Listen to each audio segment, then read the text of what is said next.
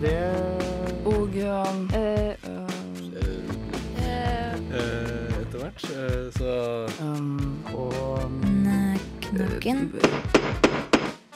Emneknaggen. Studentenes debattprogram på Radio Nova. eh, Radio Nova NSO kritiseres av studentparlamentet ved universitetet, og foreningssjef etterlyser bedre kommunikasjon for å rekruttere flere til studentforeninger. Um, uh. emneknaggen. God ettermiddag. Senere i sendingen skal vi spørre hvem som har ansvaret for rekrutteringen til studentforeninger. eh, Foreningene sjøl eller Det norske studentersamfunn. Men i studio nå så har vi fått besøk av Gabrielle Gjerdseth, du er leder ved studentparlamentet ved Universitetet i Oslo, og Tuva Wetland fra NSO. Velkommen til dere begge. Tusen takk. Uh, Gabriel, du har uh, skrevet uh, et innlegg eh, som uh, titulert eh, 'Sjablongstyring'. Eh, hva mener du med innlegget ditt? Ja, ehm, jeg har skrevet et innlegg fordi nå i helga skal vi diskutere på, i landsstyret til NSO det mest nisjete nisja som finnes i studentpolitikken. Organisering og dimensjonering av høyere utdanning. Uh, så jeg tenkte det var fint å kickstarte det her, og jeg er nesten overraska over at dere orker å høre på noe så nerdete. Så du får bare stoppe oss om vi ender opp i en sånn her rar materie. og Ja. greier. Men det jeg, mm, det jeg ønsker å løfte fra UiO sin side, er at det forslaget til ny politikk som ligger inne nå, ikke tar høyde på noe punkt for, for breddeuniversitetet, sånn som UiO og UiB. Hva, hva kjennetegner et breddeuniversitet? Breddeuniversitetet har sin styrke i at man nettopp har veldig mange ulike fagmiljø og studieprogram som legger til rette for god tverrfaglige samarbeid. F.eks. nå nettopp så oppretter man en, et masterprogram som forener juss, eh, statsvitenskap og fag fra matnatt for å kunne løse klimautfordringer.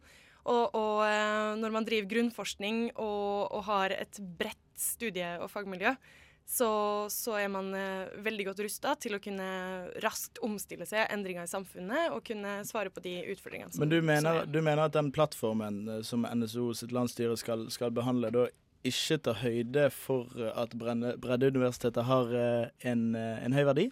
Eh, jeg mener at eh, de ikke tar høyde for at de finnes. Eh, fordi hvis de, hvis de har forstått det rett, da, og det her er en tung materie, som sagt, så, så jeg lærer noe nytt hver dag, så er det sånn at man ønsker at alle institusjoner i Norge skal spisse seg og få faglige profiler og bli gode på det de er best på. F.eks. Logistikkhøgskolen i Molde eller IT-sikkerhetshøgskolen på Gjøvik. Og, og, og det er bra, fordi eh, i dag så trenger man en litt spissere studieportefølje i Norge man har i dag.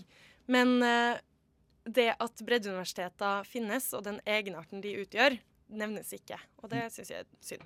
Tuva, du er fagpolitisk ansvarlig i NSO. Er det sånn at dere ikke eh, tenker på at breddeuniversiteter finnes? Eh, nei, det er ikke det. Eh, vi har ikke glemt at UiO og UiB eksisterer. Eh, og vi diskuterte her ganske masse når vi, når vi satt og har jobba sammen med komité for å skrive denne plattformen.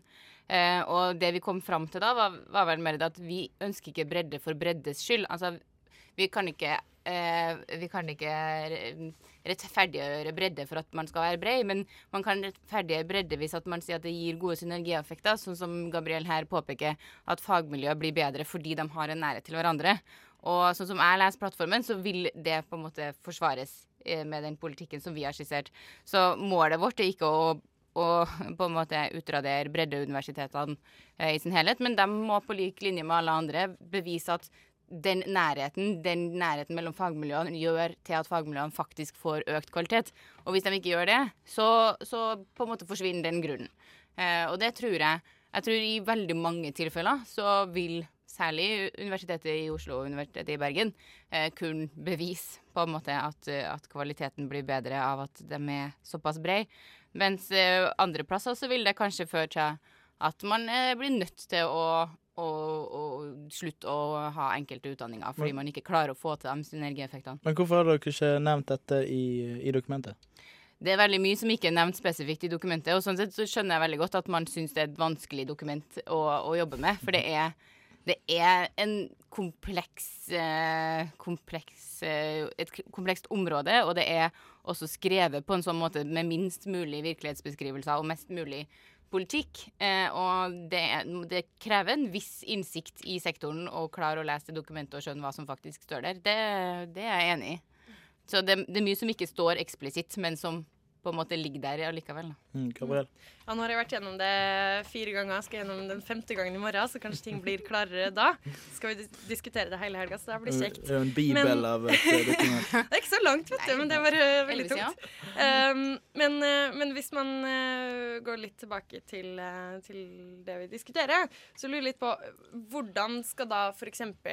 NTNU bli i framtida, hvis vi begynner å tenke i store linjer? Du kan få svare direkte. Profilen er jo åpenbart teknologisk. Skal Ja. vi legge ned Dragvoll? Uh, nei, det tror jeg ikke. Det er veldig mange veldig gode fagmiljø på Dragvoll som absolutt har sin livets rett, og som klarer å argumentere for det. NTNU er jo ganske spissa fra før av. Uh, og det å være spissa betyr ikke at du skal ha én spiss. Det å være spissa betyr at du skal ha eh, kanskje en, mellom én og fire spisser. Hvis spissene er dritbra, så skal de jo være der, helt åpenbart. Og så vil man alltid ha vinger ved siden av spissene. Det vil være eh, de områdene imellom, og de må også være der, for det er ofte veldig mye sånn støttefag. Nå har jo Bovim, rektor på NTNU, gått ut og sagt at alle eller studieprogram på NTNU som har mindre enn 20 studenter, får et gult lys, og alle som har mindre enn 10 studenter, får et rødt lys. Så ha, de går jo inn nå for å faktisk legge ned eh, ja, smalne studieporteføljen sjøl. Mm, Ja, det, det er jo spennende. Um, men men um, sånn som jeg tror jeg leste dokumentet her, da, så, så skal man få uh, penger og belønning for å spisse seg. Eller man skal i hvert fall ha insentiver som gjør at uh, institusjonene spisser seg og på sikt går bort ifra studieprogram som, som kanskje ikke har livets rett. Men vil man ikke da uh, trekke ressurser fra studieprogram som er ålreite, og inn i, inn i den her spissen, da? Som Eh, vi har vel egentlig ikke skissert at man skal få insentiver for å spisse seg. Vi har vel mer sagt at man ikke skal ha noe valg. Altså, den plattformen her er skrevet med et sånn 30-årsperspektiv, så det må man ha litt i, i minne. At det her er ikke noe som er på noe som helst vis kanskje over natta. Eh, men, eh, så vi mener ikke at man skal bruke insentiver på å få det her til, for det har man prøvd i ti år nå, og det har fungert som administrative fusjonsprosesser. Eh, eh, men jeg tror at eh, et ålreit fagtilbud. Jeg vet ikke om jeg ville ha som student godtatt å få et ålreit fagmiljø å studere til. Jeg har lyst på et bra fagmiljø og noe som utfordrer meg hele veien. Og hvis det betyr at man må legge ned noe en plass for å samle ressursene en annen plass, eh, og det er jo ikke snakk om å minimere tilbudet generelt, totalt sett, men mer liksom konsentrere de ulike fagmiljøene eh, rundt om i landet. Mer liksom sentralisere ting litt mer nært hverandre. Eh, så jeg, eh, vi snakker egentlig ikke om å flytte noen midler fra et miljø til et annet miljø, eller et fag til et annet fag, men mer at kanskje er ikke fagmiljøet på Høgskolen i Nord-Trøndelag sterkt nok alene, men hvis vi flytter det fagmiljøet sammen til Høgskolen i Sør-Trøndelag, så blir det skikkelig bra, og så, ja. Men eh, det, det står, står i dette Jeg har fått, eh, fått dette som Gabrielle har eh, skrevet eh, her, da. Og hun, hun spør um, det, Norge har 39 utdanninger innen økonomi og administrasjon. Det er for mange, men hvor mange er passe mange? Og det er jo sånn eh, Høgskole i, i Nord- Nord-Trøndelag. Mm. Eh, kanskje den ikke er sterk nok. Eh, men hvor mange økonomi- og administrasjonsskoler skal vi sitte igjen med da? Er det, er det liksom fem eller 15 eller 25? Det er veldig varierende på hvilke utdanningstilbud det er. F.eks. lærerutdanninga vil man være nødt til å ha veldig mange flere eh, tilbud i. Fordi at det er en, eh, vi har en eh, befolkning rundt omkring i distriktene som ikke er veldig mobil, alle sammen. Og lærerutdanning, sykepleierutdanning, en del av de type velferdsutdanningene er man pokka nødt til å ha overalt i landet. Og da må vi ha det studietilbudet der folk er. Eh, mens økonomi og administrasjon er ikke liksom, det er ingen som dør hvis det er en økonom for lite eh, på bygda. Så der er, har vi mulighet til å være litt mer fleksibel. Nå er det i snitt to per fylke av økonomiutdanningene. Kanskje er det nok med i hvert fall ett da, per fylke. Da, har vi, da får vi halvert det. Så vi satser på 19 uh, økad uh... Vi kan prøve, vi kan begynne med 19, og så kan vi sjekke, sjekke behovet etter hvert. Men uh, faglig, faglig profil og eh, fagmiljøer og fag, fag, fag. eh, fagpolitisk ansvarlig, Tuva. Eh, hva, eh, altså, hva, hva vil det bety i praksis, da? Okay, jeg, jeg går på, på Høgskolen i Oslo og Akershus. Hva vil det bety for min utdanningsinstitusjon hvis eh, den skolen skal spisse seg? Eh, på Høgskolen i Oslo og Akershus så tror jeg de vil være nødt til å flytte på flere ting. Eh, det er en konglomerat av masse gamle distriktshøyskoler og masse, masse rart. Eh, og nå gjør jo høyskolen en ganske stor jobb sjøl med å stramme inn eh, studieporteføljen. Men du som journaliststudent, syns du, syns, tror du at eh, fagmiljøet ditt er bra nok til å overleve en sånn, eh, sånn temperaturmåling? Det er jeg som spør deg. Men uh... Ja, det, det, men det er poenget mitt. da. Hvis, at, hvis et fagmiljø er bra nok, så er det der. Mm. Hvis det ikke er bra nok, så må du kanskje flytte vold Volda. Men uh, er det um, Altså, hvem, hvem skal, skal Skal det skje sånn som høyskolen Sånn som du sier høyskolen er flink på å gjøre, liksom, at de skal begrense det sjøl? Eller skal, skal staten liksom gå ned og så detaljstyre dette her? Nei, vi, har jo, vi tror jo at det, de ikke evner helt å styre seg sjøl, og at det må en viss Altså politisk styring ja, Mm. Og at det må en viss politisk styring til. Og vi mener at de siste ti årene har vist ganske tydelig at de ikke evner å styre seg sjøl, og det opprettes flere i stedet for å eh, minskes eh, eller for å legges ned studietilbud. Eh, og noen av rektorene nikker litt sånn anerkjennende når vi sier det. De aller fleste får fullstendig panikk. Eh, og, og det er forståelig. Det skjønner jeg godt. Det, det- ja, det er mange ting som er inne å styre her, men at det må en viss politisk styring til, basert på en slags kvalitativ vurdering, det, det tror jeg. Gabriel? Uh, ja, jeg syns jo det er fint at uh, mange institusjoner får beholde sin autonomi også, men, men jeg er for så vidt på langt vei enig med det NSO skisserer opp. Uh, men de, de foreslår jo også at eh, det, skal, det skal være en slags overordna nasjonal plan som vedtas av Stortinget, hvis jeg ikke tar helt feil. Ehm, så må man jo huske på at Stortinget er en flyktig greie, og plutselig så har Senterpartiet flertall, og da, da, går, ikke, da går ikke det dokumentet her gjennom, i hvert fall som nasjonal politikk. Nei, Det aller meste må jo gjennom Stortinget på et eller annet vis, for vi er et demokrati. Eh, men eh, vi ser vel ikke for oss at Stortinget skal ha workshop og tegne kartet. Eh, forhåpentligvis så klarer man å gjøre det på en litt mer kontrollert og faglig måte. Eh, men, men selvfølgelig, vi, vi skisserer bare målet, og vi har ikke med alle løsningene, eh, alle verktøyene. Eh, det er en kjempestor oppgave. og det eneste, Vi får jo en del spørsmål. Det er sånn her, ja, hvem skal fusjoneres, da? Hvem skal legges ned? Det er sånn her, vi har på ingen måte kompetanse på det NSO-kontoret til å si at uh, dere får leve og dere må dø. Uh, men jeg tror vi har kompetansen, da. Om ikke liksom Vi har mye kompetanse på det nasjonalt, så finnes det veldig mye kompetanse på det her internasjonalt. Og det å kunne sette ned en del sånne grupper som kan se på det, det tror jeg absolutt er mulig. Det lar vi bli siste ord fra eh, Tuva. Takk til deg. Du er Takk. fagpolitisk ansvarlig i NSO. Og Gabriel Gjedseth fra studentparlamentet ved Universitetet i Oslo. Vi eh, hører en låt, vi. Det var 'Stronger Than Ever' med eh, Relay Ritchie her på Radio Nova. Du hører fortsatt på Emneknaggen, studentenes debattprogram her. Radio Nova er kanalen 99,3 er frekvensen på FM-båndet. Eh, I studio så har eh, Erlend Buflaten, eh, redaktør her i Radio Nova, kommet. Velkommen til deg. Takk for det. Og Martin Tveten, du er leder for Det norske studentersamfunn som holder til her på Chateau Neuf. Velkommen. Yes, hei. Eh, og Erlend, du har jo skrevet et, et innlegg på Radionova Radio Nova sin hjemmeside. 'Frivillighet krever arbeid', heter det. Og dette innlegget, hva, hva er meningen bak det? Meningen bak eh, innlegget det er et eh, svar til eh, Andreas, sjefen i Teater Nøff, som skrev i forrige ukes Universitas om hvor viktig frivillighet var for Student-Oslo. Og så følte jeg at det var noe som mangla i den kommentaren, for han hadde veldig rett. Vi er avhengig av det.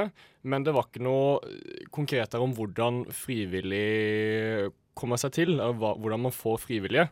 Og det nytter ikke å si Frivillige, kom til oss. Det er viktig å være frivillig. Det får dere mye igjen for. Du må si konkret hva du får igjen for det. Og det var det jeg prøvde å få ut med denne kommentaren. Eh, Fordi at eh, Radio Nova er jo en av de største, største studentforeningene, og den største på dette, som holder til på dette huset. Eh, hva, hva er det Radio Nova-ledelsen har gjort riktig? Hva, hva er hemmeligheten bak å ha så mange eh, medlemmer? Jeg tror det er veldig viktig å presisere at det ikke er ledelsen som har gjort noe her. Vi er alle like. Vi er, er ca. 200 medlemmer. Og jeg tror det at vi har det bra her, og så er det mye jungeltelegraf.